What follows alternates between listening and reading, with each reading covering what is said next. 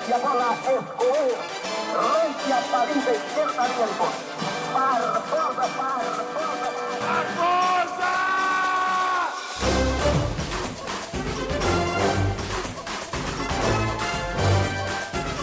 Pelés i Barboses.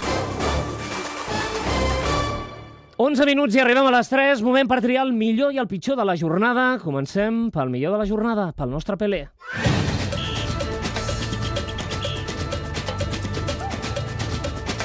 El nostre Pelé és...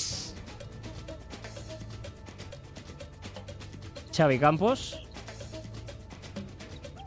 El Memo Ochoa té a veure ni que sigui indirectament amb el Pelé original. És el porter de Mèxic i ahir va fer l'aturada del Mundial. Va treure una mà increïble, una rematada de cap de Neymar que semblava gol sí o sí. L'aturada d'Ochoa recorda tant la que l'anglès Gordon Banks li va fer a Pelé al Mundial de l'any 70, per a molts aquesta de Banks, la millor aturada de la història, que ahir al Brasil ja feien vídeos amb una aturada al costat de l'altra per demostrar-ne les similituds. Ochoa és, de moment, el porter del Mundial. I saps el més curiós? Que quan acabi el Mundial no tindrà club. De moment, ara per ara, Ochoa no té equip. Busquem el pitjor de la jornada.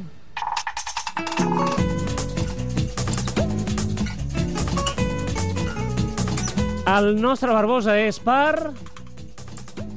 Un altre porter, el rus Igor Akinfeev, el porter de la selecció russa, evidentment que ahir es van passar un xut dels coreans que semblava inofensiu i van queixar el primer gol tonto d'aquest Mundial. Si els russos fossin com els brasilers, Akinfeev no podria tornar al seu país.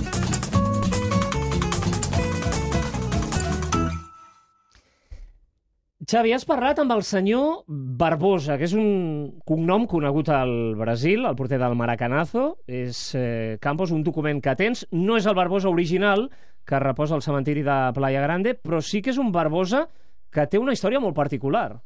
Joao Maria Barbosa. És un exjugador professional del Paraná Club, que és un dels tres grans clubs de Curitiba, que va assistir en directe a partits del Mundial de l'any 50. Recorda perfectament els gols de l'Estanislao Basora en aquell Mundial amb la selecció espanyola i que ahir al Club de la Mitjanit recordava la seva vivència al voltant del Maracanazo que el va seguir per la ràdio l'any 50.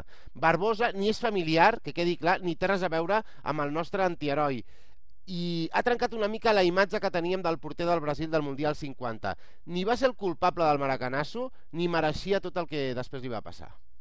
Não foi culpado. Não foi culpado porque os jogadores podiam, em defesa dele, não foram. Os jogadores não foram em defesa do Barbosa. Era o melhor jogador do, do Brasil, né? Era o Barbosa. Ele nunca imaginava que o, o Gigi ia pôr aquela bola naquele lugar. Doncs Barbosa parlant de Barbosa, Xavi. Queda dit, no? El millor jugador del Brasil de l'any 50 era Barbosa. I després va passar el que li va passar.